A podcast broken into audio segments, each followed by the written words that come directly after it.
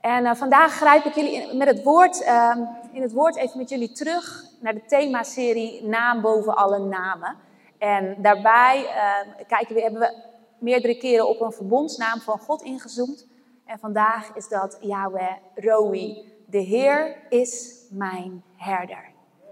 En dat is wellicht een van de meest bekende namen, als we het hebben over de verbondsnamen van God, is de Heer is mijn herder, denk ik, een van de bekendste namen. Bijna iedereen kent het wel, zelfs de kinderen zingen er liedjes over. De Heer is mijn herder, Hij is alles wat ik nodig heb. En um, ik weet een van de laatste dagen van uh, 2022. Ik geloof dat we op vrijdagavond een Holy Spirit avond hadden en dat het zaterdag Oudjaarsdag was. Dus het zal de dertigste zijn geweest. Toen hebben we Psalm 23 met elkaar gelezen. Toen hebben we gezegd Psalm 23 voor het jaar 2023. En daar hebben we toen op ingezoomd. En um, die psalm is de psalm waarin David die naam van God noemt. De Heer is mijn herder. En als we het over herder hebben, dan is dat eigenlijk iets wat in onze tijd um, heel ver van ons afstaat. Herder, ja, we weten wel, dat, we zien wel eens die schaapjes als we, langs de, als we door de weilanden rijden op de snelweg. En dan zie je die weilanden en dan zie je de schapen staan. Maar goed, wat, wat is een herder nu dan? Maar David, die deze psalm heeft geschreven, die wist heel, heel goed wat een herder was, wat het inhield om een herder te zijn. En David is opgegroeid als een herdersjongen. Hij kreeg de verantwoordelijkheid om de kudde te hoeden elke dag. Hij weet als geen ander hoe breed en hoe intensief deze zorg en deze verantwoordelijkheid is om de herder van een kudde te zijn.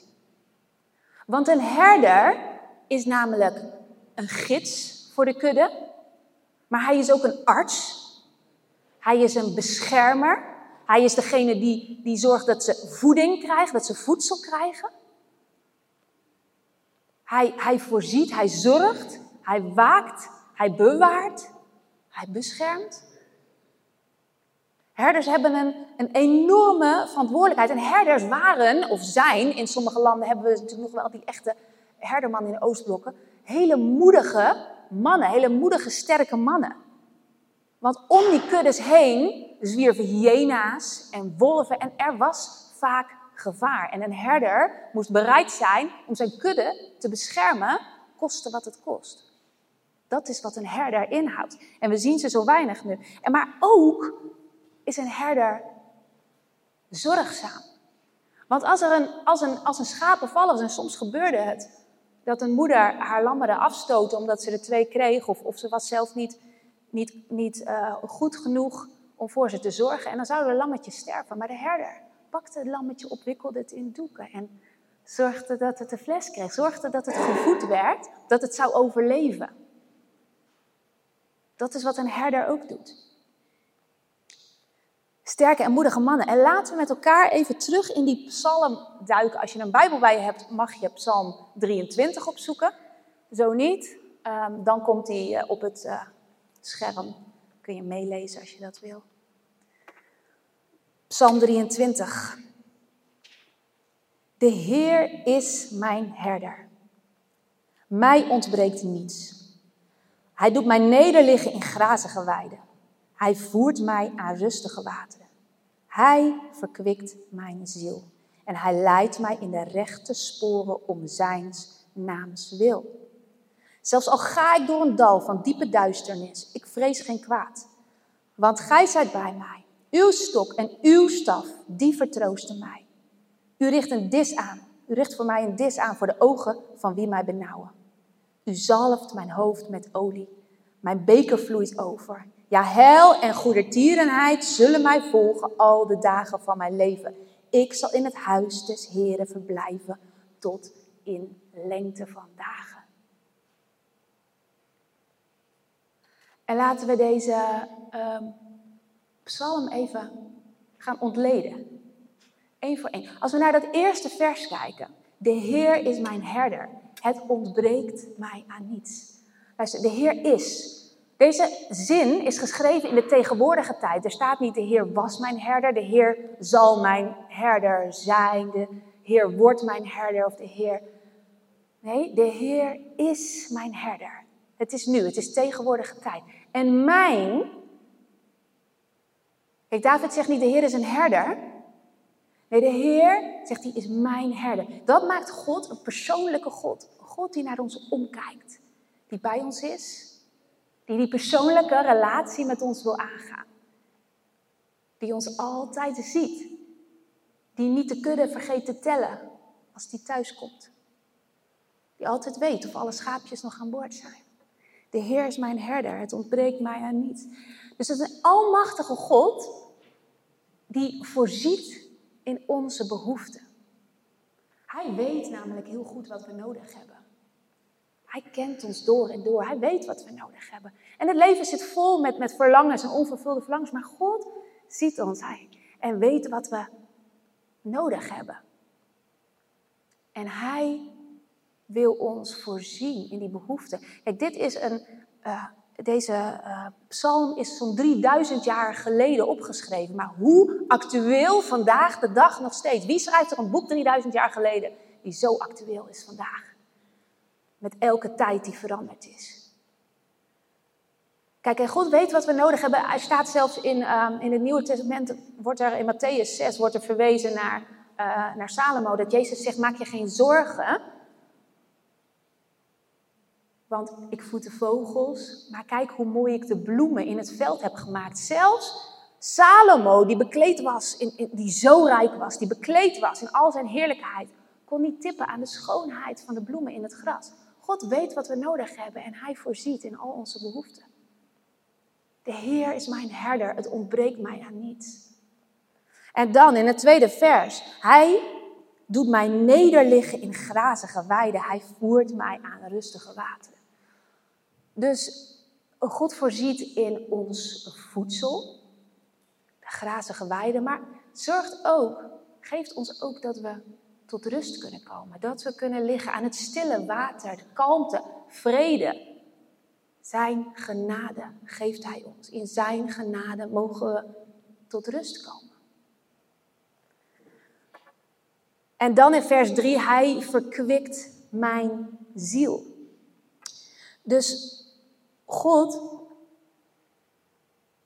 is een God die ook bevredigt in geestelijke nood. Hij herstelt onze ziel. En, en het woord verkwikken staat voor verfrissen, vernieuwen, herstellen. Hij verkwikt mijn ziel. Het is de belofte van God die de waarheid is, niet onze omstandigheden. Dus deze moet je goed onthouden. De belofte van God is wat de waarheid is, niet in de omstandigheden waarin we terecht zijn gekomen, waarin we onszelf hebben gewerkt, waarin we door anderen in terecht zijn gekomen. De belofte van God is de waarheid die altijd stand houdt. Onze omstandigheden zijn tijdelijk. Hij verkwikt onze ziel. Hij wil herstellen en nieuw maken wat er kapot is gegaan. En dat doet hij niet zomaar, maar hij leidt mij in de rechte, uh, hij leidt mij in de rechte sporen, staat er vervolgens. Dus ons leven zit vol met keuzen die we moeten maken, met kruispunten, met verschillende wegen die we kunnen kiezen. Maar hij zegt, ik leid jou in de rechte sporen. Ik ben jouw gids. Luister naar mij. Ik weet wat, wat jou ten diepste gelukkig maakt. Waar jij het beste tot bloei komt. Waar jij het meeste energie van krijgt. Waar jij het beste tot je recht komt. Ik leid jou in de rechte sporen om mijn naams wil. En maken wij een verkeerde keus. Hij is capabel genoeg om onze kromme weg weer recht te buigen. Als we met hem gaan wandelen, dan leidt hij ons weer terug op die rechte weg. Maakt de kromme weg die we zijn opgegaan recht. En dat doet hij dus niet zomaar, dat doet hij om zijn naams wil. Dat betekent dat hij zijn eigen naam verbonden heeft aan deze belofte. Zijn eigen naam heeft hij eraan verbonden. En onze God is een God die niet verandert, namelijk. Wij mensen veranderen steeds. De tijd waarin wij leven veranderen steeds. Maar God zegt, ik leid jou in de rechte sporen om mijn naam, om, om mijn naam, om mijn wil. Dus hij verbindt zijn naam daaraan. De God die nooit verandert, die altijd dezelfde is, wil ons bijstaan. wil ons helpen, wil ons leiden. Dat is onze God. En wat zijn wij gezegend dat Hij zijn eigen naam er aan verbonden heeft. Wat zouden we verloren zijn? Wie zou ooit bij machten zijn geweest om dat te doen wat Jezus voor ons heeft gedaan? Om onze verloren ziel weer te, te, te verlossen, te redden, te verkwikken, te herstellen. Klein uitstapje naar Jesaja um, 53, vers 6 en 7, waar staat: Wij dwaalden als schapen. Wij dwaalden als schapen wenden ons ieder naar zijn eigen weg. Maar de Heere heeft ons aller ongerechtigheid op hem doen neerkomen. Hij werd mishandeld, maar hij liet zich verdrukken en deed zijn mond niet open. Als een lam dat ter slachting geleid wordt en als een schaap dat stom is voor zijn scheerders. Zo deed hij zijn mond niet open, Jezus Christus die voor ons naar de slagbank geleid werd, zijn leven heeft gegeven. Hij deed zijn mond niet open als een schaap dat stom is voor zijn scheerders. Nou, wat betekent dat als een schaap die stom is voor zijn scheerders? Nou, schapen, je, weet, je ziet dat misschien hier wel eens op, op die lammetjes daar, of die, eh, die dagen, zo in de lente, dan gaan ze de schapen gaan ze scheren. Maar schapen hebben een doodsangst om geschoren te worden. Dat is niet een pleziertje. Je zou zeggen, lekker even van die dikke vacht af, lekker naar de kapper, lekker even weer fris.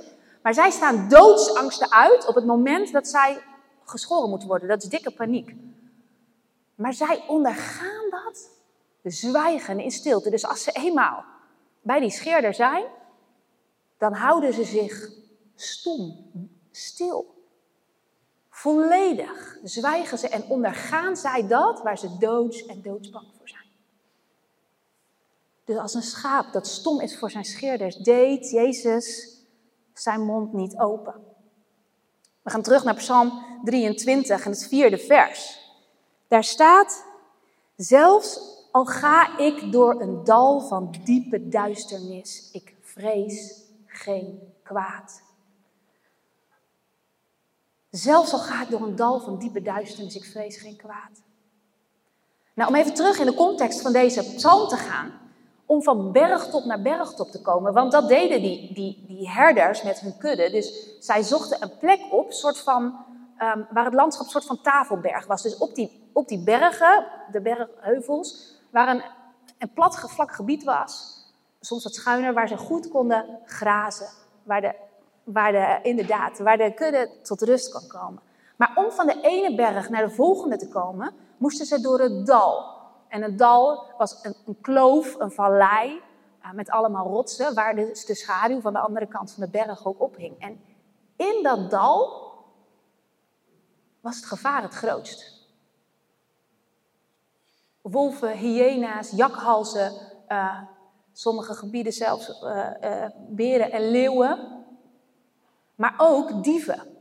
Dieven waren daar huurlingen die probeerden te profiteren van de, van de schapen die, dat dal, die kloof, die vallei waar ze in terecht kwamen, dat was de gevaarlijkste plek. Dat was de plek waar de herders het allerscherpst moesten zijn. Om hun kudde te kunnen beschermen.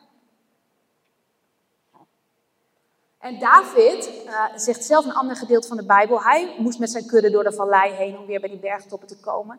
Uh, en hij zegt dan in 1 Samuel, vers, uh, van hoofdstuk 17, vers 34, zegt hij... David echter zei tot Saul: Uw knecht was gewoon, was gewend voor zijn vader de schapen te hoeden. Kwam er een leeuw of een beer die een schaap uit de kudde wegroofde? Dan, zei David, dan liep ik hem na. Ik sloeg hem en redde de schaap uit zijn muil. Als hij zich tegen mij keerde, die beer of die, die leeuw, dan sloeg ik hem dood. Zowel de leeuw als de beer heeft uw knecht zegt David tegen Saul, heeft uw knecht verslagen. En deze onbesneden Filistijn, en daar doelt hij mee op, op Goliath, de reus, want dit gaat in de dialoog om, om uh, dat Saul zegt, ik wil wel vechten tegen, tegen Goliath, ik ga dat doen, ik kan dit. En Saul zegt, nee, dat kan je helemaal niet. Kijk, jij kleine jongen, je komt uit de wei, wat wil je nou? Maar hij zegt, luister, beer en leeuw heb ik verslagen. Hè? En als hij zich tegen mij keerde, sloeg ik hem dood. En zowel. Ehm, en deze onbesneden Filistijn zal het vergaan als een van deze, omdat hij de slagorde van de levende God getart heeft. David zegt niet omdat ik zo goed ben, omdat ik, omdat ik leeuw en beer verslagen heb. Nee, hij pakt terug naar wie God is, naar zijn eer. Hij zegt omdat hij de slagorde van de levende God getart heeft. Daarom gaat God mij bijstaan. En zal ik net als die leeuw en die beer, zal ik dit volk verlossen van Goliath. Door zijn kracht, door zijn naam. Weet je, dus soms gaan we door een dal van diepe duisternis in ons leven. Soms hebben we die momenten dat ineens alles instort. Alles gaat mis. Alles en iedereen lijkt tegen ons te zijn. En niemand is meer te vertrouwen. Een dal van diepe duisternis. Ik weet zelf in mijn leven heb ik een moment gehad dat ik ehm, door eigen keuzes en leugens in mijn leven in een dal van diepe duisternis terecht ben gekomen. En dat dal van diepe duisternis had ik niet voor gekozen. Maar de keuzes die ik ervoor maakte, hebben gezorgd dat ik in dat dal terecht kwam toen leugens aan het licht gingen komen. Op een moment dat het me precies niet uitkwam. En ik kwam in een dusdanig dal van diepe duisternis terecht. Dat ik onderweg naar de andere kant van Apeldoorn, waar ik een, een, een sportles moest verzorgen voor een, voor een groep van 30 man, dacht ik: oké, er is één uitweg. Ik hoorde een duidelijke stem in mijn hoofd. Er is één uitweg om onder alle ellende uit te gaan. En dan had je die grote flats in Zevenhuizen. Hier. Als je er daar vanaf springt, dan houdt het hierop. Kan er geen enkele andere leugen meer aan het licht komen? Is het helemaal klaar? Is het helemaal afgelopen? Hou je de eer aan jezelf. Het was zo logisch, die stem. Ik dacht, dit is het. Ik was diep en diep angstig en verdrietig door dat dal van diepe duisternis waar ik in terecht was gekomen. Ik dacht, ja, dit, dit is het. En, en dat is zo'n zo'n nou ja, kleine kilometer voordat ik op een bestemming was. En ik reed de auto naar de parkeerplaats. Ik dacht, dit moet het dan zijn. En toen was er een stem, een hele, hele zachte stem van de herder. En die zei, we hadden toen een paar kleine kinderen al. Die zei, je kinderen dan? Ah, dat was het enige wat ik net niet kon horen. Het maakte me allemaal niet meer uit voor mezelf. En dat hele kleine stemmetje, die in de achtergrond van die harde stem was, die zei, nu kom op, maak er een eind aan, het is klaar, het is goed zo. Dat hele kleine stemmetje zei, en je kinderen dan? En ik dacht, oh nee. Oh nee. En ik zat in de auto en ik dacht, ik moet door, ik moet door. En ik ben die sportles gaan geven en uh, ik hoop dat mensen hebben gedacht dat het zweet me op de grond lekte, maar het waren de tranen die tijdens het, tijdens het roepen en het schreeuwen en het, en het lesgeven op de grond vielen. Zo diep gebroken en dan komt het moment dat je naar huis moet. Maar het dal waar we doorheen gaan, is een fase. Je blijft niet, je dal is geen eindbestemming, je dal is geen woonplaats. We gaan door die vallei, door dat dal heen. En dat doet soms zeer en je omstandigheden veranderen dan niet meteen. Maar je gaat weer opklimmen. Je gaat weer uit dat dal klimmen en op die bergtop komen. Snap je? God is met ons in dat dal waar we doorheen wandelen. En ja, ik moest nog even verder door dat dal heen. En er moest nog net wat meer aan het licht komen. Wat zorgde voor eerst meer duisternis. Maar toen eenmaal de zon erop ging schijnen, ja, dan heb je nog met wat consequenties te doen. En die doen zeer. Mensen vinden je niet aardig. Maar God is met ons. En Hij ziet wat er binnenin ons is. Hij ziet al onze bestemming, waar we naartoe willen. Hij ziet niet dat we in dat dal van diepe duisternis lopen. Tuurlijk, Hij is met ons. Hij ziet ons verdriet, Hij ziet onze pijn. Maar Hij ziet ons niet als een, als een vies doordrenkt iemand. Hij zegt, door mijn bloed, zegt Jezus, ben je schoon. Bekeer je zondag niet meer. Ik ben met je, ik wandel met je door dat dal. En er gaat een nieuwe fase komen. Weet je, en in het Engels um, staat daar in de Bijbel: Even though I walk through the valley of the shadow of death. Dus een vallei van de schaduw van de dood. Dus we lopen niet door de vallei des doods heen, maar we lopen slechts door de schaduw heen. En een schaduw is niet tastbaar. Een schaduw is iets wat, wat voortkomt, wat gegoten wordt uit iets wat is. Maar het is slechts een schaduw. En als je Jezus met je hebt, dan doet de schaduw geen pijn. Dan kun je de schaduw wel zien. Maar hij gaat je opbouwen in die schaduw. En je gaat nieuwe dingen zien. Je kunt beter even in het dal zijn met jouw herder, dan dat je op de bergtop staat zonder je herder. Beter in het dal met je herder, dan op de bergtop zonder. Dus onthoud goed. Het dal van diepe duisternis is slechts een schaduw. En er komt een nieuwe fase. We moeten ons dus in ons leven soms voorbereiden op dat dal wat komt. Want we kunnen niet altijd op de bergtop lopen. En, en soms zijn het gewone omstandigheden. En soms hebben we dat zelf veroorzaakt door keuzes die we hebben gemaakt. Maar in het dal van diepe duisternis mogen we ons ook voorbereiden op de bergtop die weer gaat komen. Op dat waar God ons naartoe leidt, de nieuwe fase in ons leven. Hij gaat de dingen nieuw maken, zoals Ruben in het begin getuigde van zijn leven. Zo dankbaar dat hij hier heeft mogen zijn. En dat hij hier is geholpen door mensen. Maar vooral door Jezus. Want zonder Jezus had hij het niet kunnen helpen. Het is geweldig dat God mensen heeft gegeven en klinieken die ons, uh, waarin we terecht kunnen, die ons opbouwen. Maar zonder Jezus zijn we nog steeds alleen.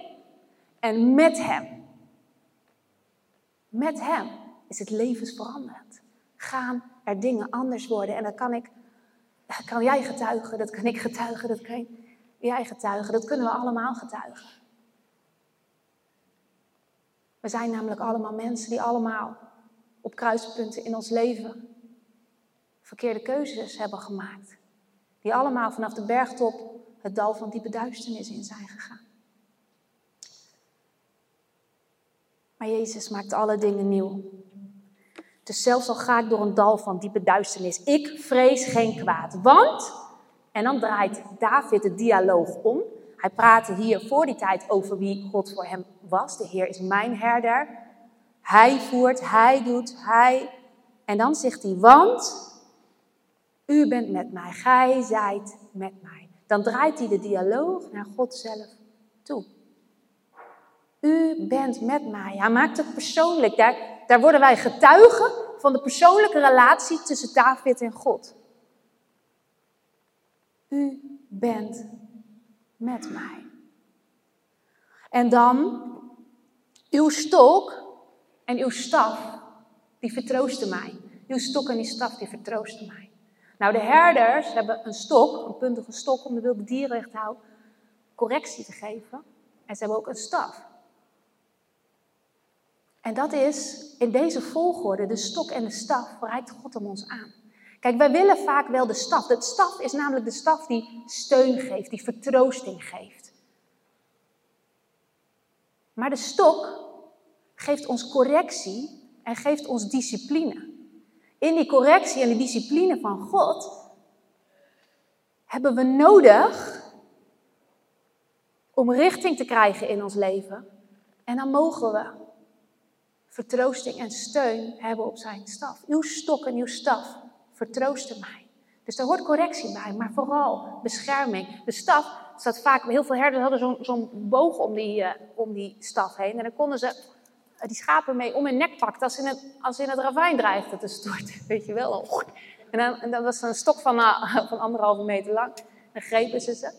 Andersom werkten ze trouwens ook soms met een, dat vind ik ook heel bijzonder, met een, een lammetje die ze van jongs af aan echt hun lievelingslam was die ze, die ze grootbrachten en, en, en en bij zich hielden. En dat lam was zo getraind aan de zij van de herder. Als hij zag dat het schaap te ver weg was gelopen, dan stuurde hij dat lam erop af. En dan zei hij, haal, haal die ander terug.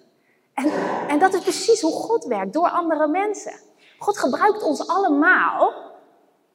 En hoe meer we tijd met Hem doorbrengen, hoe meer we in die liefde van Hem komen, hoe meer Hij ons dus kan uitzenden om, hé, hey, daar is iemand verdwaald, bemoedig die eens, weet je wel, haal die op. Dat is even een uitstapje, dat is niet van plan te vertellen, maar dan moet ik even kijken. Um, dus, dus dat is, um, dat is wat God doet. Oh ja, zijn stok en zijn staf, daar waren we gebleven. Zijn stok en zijn staf um, vertroosten. Vertroosten ons. En dan, u richt voor mij een dis aan voor de ogen van wie mij benauwde. Nou, een dis is een, een feestmaaltijd. Dus God richt een, feestmaaltijd aan voor David op dat moment. God wordt daar, hij, zegt, hij bestempelt daar God als zijn gastheer, die een geweldig feestmaal voor hem heeft klaargezet, te midden van zijn vijanden. Nou spreken we hier over geestelijke vijanden. Jezus zegt, onze, onze strijd is niet tegen vlees en bloed, maar tegen de hemelse machten en krachten. David had het hier over geestelijke vijanden. Maar Jezus zegt, of hij zegt, u richt een, een, een feestmaaltijd voor mij aan, voor de ogen van wie mij benauwen. David mocht daar plaatsnemen. Het prachtige licht van God daar. Dat, dat, dat, dat kampvuur wat brandt. De wolven die eigenlijk aan willen vallen, maar bang zijn voor het licht. Dus die, om, die zien wat daar gebeurt, die zien het voedsel, die zien de mensen. Maar door het licht wat God brengt, durven de wolven, de vijanden, de geestelijke vijanden niet aan te vallen. Dus u richt een feestmaaltijd aan voor de ogen van wie mij benauwde. U zalft mijn hoofd met olie en mijn beker vloeit over. Nou, het zalven van olie is een, is een oud gebruik, wat, wat in de tijd van de herders um, eigenlijk zelfs ontstaan is. Want um, de, de, het wol van, van de schapen was gevoelig voor, voor luizen, voor parasieten, voor, voor uh, alle nare beesten. En die, die kropen omhoog en die wilden dan in die oren komen van het schaap. Als ze in de oren van het schaap terechtkomen, dan gaat het schaap dood.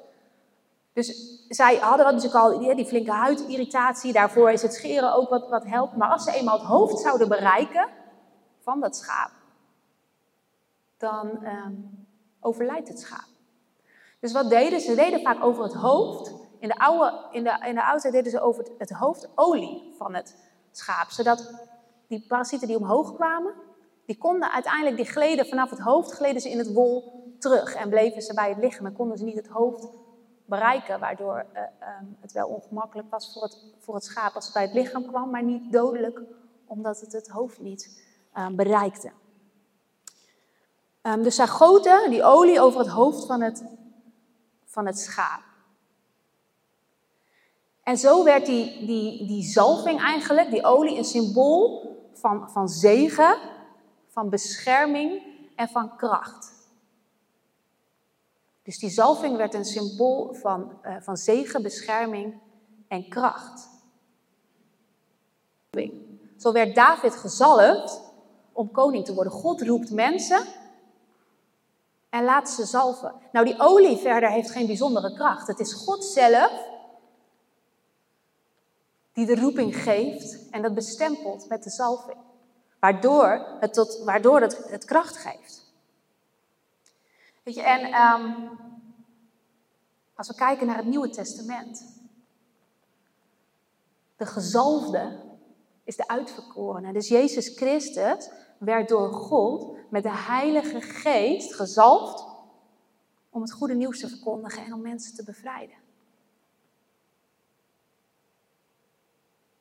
Nadat Jezus de aarde heeft verlaten, heeft de Vader ons de Heilige Geest geschonken. En mogen we in diezelfde, in diezelfde zalving wandelen. Hij wil ons die zalving geven. Hij wil ons. Hij heeft een roeping voor ons bestemd, voor ons allemaal. En ieder op zijn unieke manier. Want God werkt uniek en kijkt wat er in ons is en wil wat er in ons is. Tot bloei laten komen. En we hebben dagelijks die zalving van God nodig. We hoeven niet dagelijks een fles olie over ons hoofd te gooien. Maar we moeten dagelijks in die aanwezigheid van God, zijn Heilige Geest die ons zalft. Door zijn heiligheid. En dan staat er in het tweede gedeelte van vers 5, ehm, mijn beker vloeit over, my cup is full and running over. Dus dat is een, een voortdurend proces. Dus hij schenkt niet een bekertje vol, alsjeblieft. Maar onze beker, als we, bij, als we in Gods aanwezigheid blijven, in Jezus' aanwezigheid, als we ons laten vullen door de Heilige Geest, blijft die beker overvloeien. Waarom? Er is genoeg voor ons, maar het kan overstromen en we hebben genoeg om uit te delen. We hebben genoeg om uit te delen. De kracht van God. En dan vers 6. Uh, eh, goedheid, uh, ja, hel en goede tierenheid zullen mij volgen al de dagen van mijn leven. En ik zal in het huis des Heren verblijven tot in lengte van dagen. Niet alleen op deze aarde. Niet alleen in dit leven, maar door en door en door. Jezus is de weg, de waarheid en het leven. Hij zegt, wie in mij gelooft, heeft eeuwig leven, zal nimmer meer dorsten. En vanuit hier, we hebben gezien, Jezus is die gezalfde, die uitverkoren. Dan wil ik met jullie een sprong maken naar Johannes 10. Johannes 10 en dan vanaf vers 7. Waarin Jezus zelf zegt, ik ben de goede herder. Ik ben die herder waar David het over heeft. Ik ben het. Die zorgt voor jou.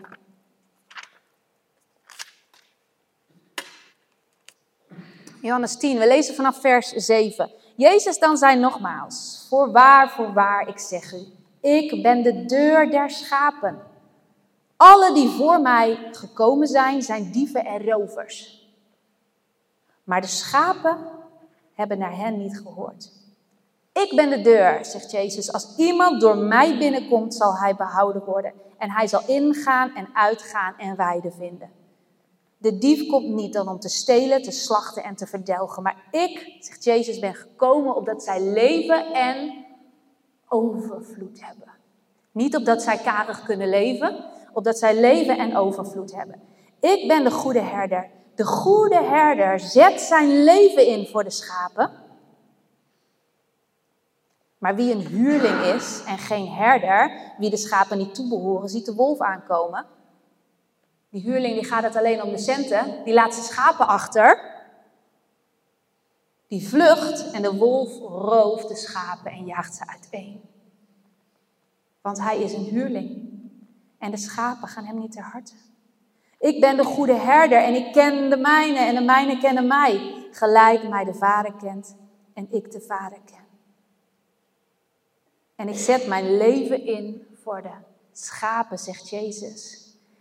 Jezus bekommert zich om ons. Hij zegt, ik ben jullie herder, die waakt, die beschermt, die voedt, die helpt, die geeft, die jullie omarmt, die jullie niet in de steek laat, die jullie zalft. En hij is bij machten om ons uit elke situatie te redden. Zoals David bij machten was. Om dat schaap letterlijk uit de muil van de leeuw te trekken en die leeuw dood te slaan. Zo weten wij dat de tegenstander van God ook rondgaat als een brullende leeuw. Maar Jezus is bij machten om ons uit de muil van die brullende leeuw te trekken, al zijn we zo diep in de problemen gezonken. Hij is bij machten om ons uit die muil van de leeuwen te trekken. En overwinning te geven. Een nieuw leven te geven, overwinning. 1 Petrus 2, vers 25. zegt Jezus, de herder en opziener van je ziel. Daar staat, want gij waart dwalende als schapen. Maar u hebt mij bekeerd tot de herder en hoeder. U hebt u bekeerd tot de herder en hoeder van uw zielen. Dus als wij ons bekeren tot de herder en hoeder van onze zielen. Wat gebeurt er dan? Dan zijn we niet meer verdwaald, dan vinden we de weg terug naar huis en komen we tot bloei. 1 Petrus 5 vers 4 zegt, en wanneer de opperherder verschijnt, zult gij de onverwelkelijke krans der heerlijkheid verwerven. Nou, Jezus is de opperherder, koning der koningen, herders der herders. Hij is. Hij die is, die was en die komen zal. Bij Hem komen we tot onze bestemming. Hij heeft ons lief, Hij houdt Hij veroordeelt ons niet. Hij zegt, sta op, sta op, ik help je. Ik bescherm je. Ook ondersteun ik je met mijn helrijke rechterhand dwars door het dal van diepe duisternis. Je vreest geen kwaad, want ik ben met jou. Mijn stok en mijn staf vertroost jou. Ik geef richting, ik geef leiding, ik geef bescherming. Ik hou je vast. Ik hou je vast. Nou, elke herder heeft een duidelijke roep om zijn kudde. Dus dat, dat schapen zijn stem kunnen verstaan. In sommige gebieden was het zo dat de nachtwaken gedaan werd door één herder, terwijl er uh, vijf, zes kudden met verschillende herders bij elkaar waren. En als dan ochtends de andere herders terugkwamen en die deden een bepaalde roep, dan uit die enorme kudde kwamen alleen de schaapjes van die herder. Zo werkt dat. En ik was op een dag met mijn tante bij die schaapskooi in, in Hoogbuurlo. En, uh, en er werden ook die, die, die, die schapen kwamen. Die, die herder die ging die schapen uh, terugleiden. En mijn tante die zei, uh, oh mag ik ook even proberen? En ik dacht, oh doe nou niet. Laat nou. Die moest dan, geweldig mens, prachtig mens, die moest dat dan ook even doen. Ja, zegt die, uh, zegt die herder toen. Maar ja, zegt ze, maar wat doet u dan? Wat moet ik dan roepen? Ja, nou, zei die, uh, ja. Hij zegt, ik zeg dan gewoon, uh, nou ja, hij dan ook, ook, maakte dan een bepaald geluid en dan zei hij, kom maar erachteraan. Dus mijn tante, die, nou, die ging ervoor en die, kom maar, kom maar jongens. En niet één schaap die zijn hoofd optilde en dacht, wat? Die bleven gewoon rustig door. Er zei nog een keer en op haar best en nog een keer. En na drie keer zei ze, nou, die, die, ze luisteren gewoon helemaal niet. Die schapen reageren helemaal niet. En die herder zegt, wacht maar even. En die doet zijn, uh, die doet zijn ding en die zegt, oh, kom maar jongens. En al die schapen, oh, gaan we? Oh, we gaan. En die schapen gaan. En zo werkt dat. Dus de schapen, de kudde herkent de stem van God. Wij moeten getraind worden om die stem van Jezus te herstaan. Dat we weten, oh wacht even, roept er nou? Oh, dat kunnen we gewoon negeren. Die harde stem die daar in ons oor loopt te tetteren. Kunnen we gewoon negeren, want dat is niet de stem van onze herder. Zie, als we dat gaan onderscheiden, dan komen we niet steeds in die problemen. En dan was ik helemaal niet op die parkeerplaats terechtgekomen bij die flatgebouwen. Want dan had ik gedacht, die tettert daar zo in mijn oor, hou eens even op. Dat negeer ik even, weet je wel. Heer, wat zegt u? Wat doe ik in deze diepe dal van diepe duisternis? Snap je, we moeten gaan onderscheiden, we moeten gaan leren. Johannes 10, vers, vers 27 en 28, daar zegt God het zelf. Mijn schapen horen mijn stem. Mijn schapen horen naar mijn stem en ik ken ze. En zij volgen mij en ik geef hun eeuwig leven. En ze zullen voorzeker niet verloren gaan. In eeuwigheid. En niemand zal ze uit mijn hand roven. Dit is een belofte van God. Als we bij Hem zijn, we kunnen niet uit zijn hand geroofd worden. God zegt, wat ik zegen, zal niet vervloekt worden, kan niet vervloekt worden. Maar we moeten dicht bij Jezus blijven. We moeten ons blijven vullen met de bron van levend water. En niet met de bron die de dood voortbrengt. De bron van levend water. Weet je, mensen, je hoort mensen wel zeggen, jongen, dat is een dom schaap of zo. Maar schapen zijn echt slimme wezens. God heeft ons gemaakt naar zijn beeld en gelijkenis. Wij zijn hij heeft ons slim gemaakt. Kijk wat, wat, wat er in de wereld voortgebracht is aan een techniek en wetenschap. Alleen wat er met schapen gebeurt, is dat ze soms hun oriëntatie even kwijt zijn. En dan lopen ze ineens regelrecht op dat ravijn, op die afgrond af.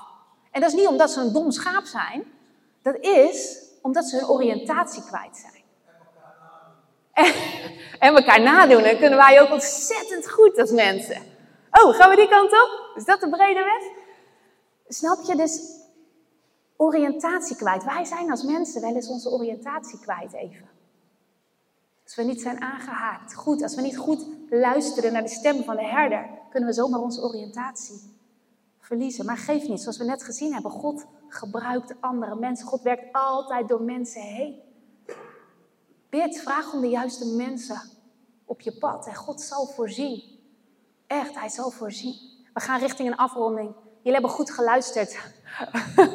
Jullie zijn goed scherp gebleven. Openbaringen 3, vers 20. Zie, zegt Jezus, ik sta aan de deur en ik klop. Indien iemand naar mij hoort en de deur opent, zal ik bij hem binnenkomen en maaltijd met hem houden en hij met mij. Jezus wil binnenkomen en maaltijd met ons houden. Hij zegt, ik kom woning in je maken, wat maaltijd houden. En raad wat? Jezus heeft de maaltijd al betaald. We hoeven niet achteraf te discussiëren wie rekent er af. Want de afrekening is al geweest. Het is al volbracht. Jezus heeft al voorzien. Hij heeft het gedaan. Hij heeft betaald. Hoe liefdevol in dit vers. Dat Hij de God is die klopt en wacht. Dat hij niet de deur intrapt zoals de vijand dat doet en binnenkomt beuken en zeggen, nou ik zal als ik jou was maar een eind aan je leven maken. Je hebt er zo'n potje van gemaakt. Nee, hij klopt en hij wacht. Hij klopt en hij wacht. Hij is zachtmoedig en nederig van hart. Hij zit niet aan onze eigen wil. Hij geeft ons zelf de keus wat we willen doen. Maar wat is de beloning groot als we dan tot Hem komen?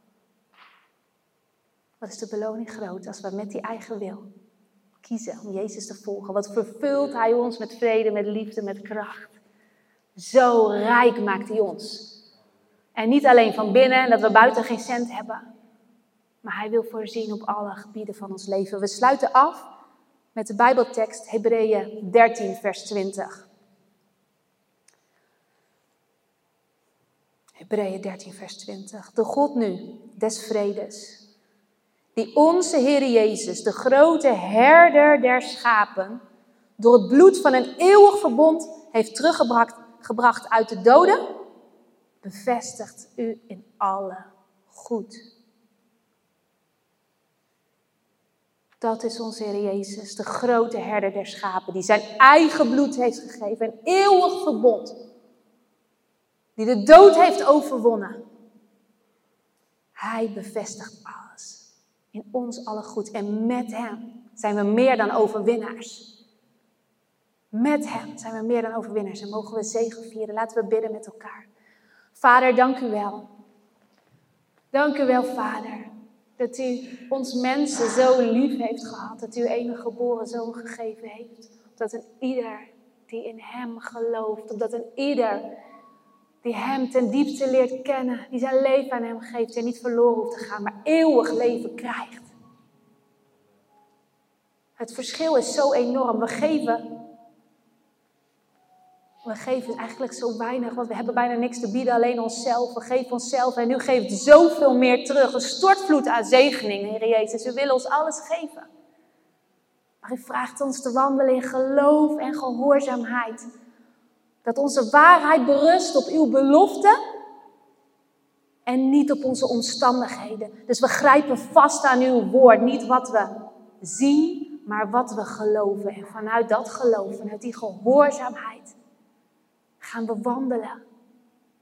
Heer Jezus, dank u wel dat u tijdens dat wandelen met ons bent. Ook als we komen in het dal van diepe duisternis, de shadows of death. Het is slechts een schaduw waar we doorheen gaan. Maar waar u bent, schijnt het licht. En kunnen we zelfs in de schaduw, in het dal van diepe duisternis helder zien, omdat u richting geeft. Uw stok, uw staf vertroost ons. U geeft richting, bescherming, leiding. Dank u wel, Heer Jezus dat u onze goede herder bent, dat het ons aan niets ontbreekt en dat een herder zoveel omvattend woord is waar zelfs de andere verbondsnamen eigenlijk in opgeborgen zitten. U voorziet, u bent onze banier, u geneest, u heiligt. O Heer, dank Heer Jezus dat we u mogen leren kennen. Nou bid ik voor een ieder hier, Heer, dat ze u echt uw liefde mogen leren kennen voor hun leven. Uw liefde die niet veroordeelt, maar die richting wilt geven. Ik zegen een ieder in de machtige naam van Jezus Christus, in het kennen van Hem. In het wandelen met Hem en in het herkennen van uw stem, Jezus. Dank u wel. Dank u wel voor uw nabijheid. Dank u wel dat u de enige bent. Dank u wel dat u de eerste, de laatste bent. Degene die was, die is en die komen zal. Heer, nou schijn uw licht over een ieder. Dat uw waarheid zichtbaar wordt. Open geestelijke ogen, oren. Heer, en open harten. Dat uw waarheid, die zo haaks op de wereld staat, zo liefdevol is, Heer. Dat die binnen mag komen.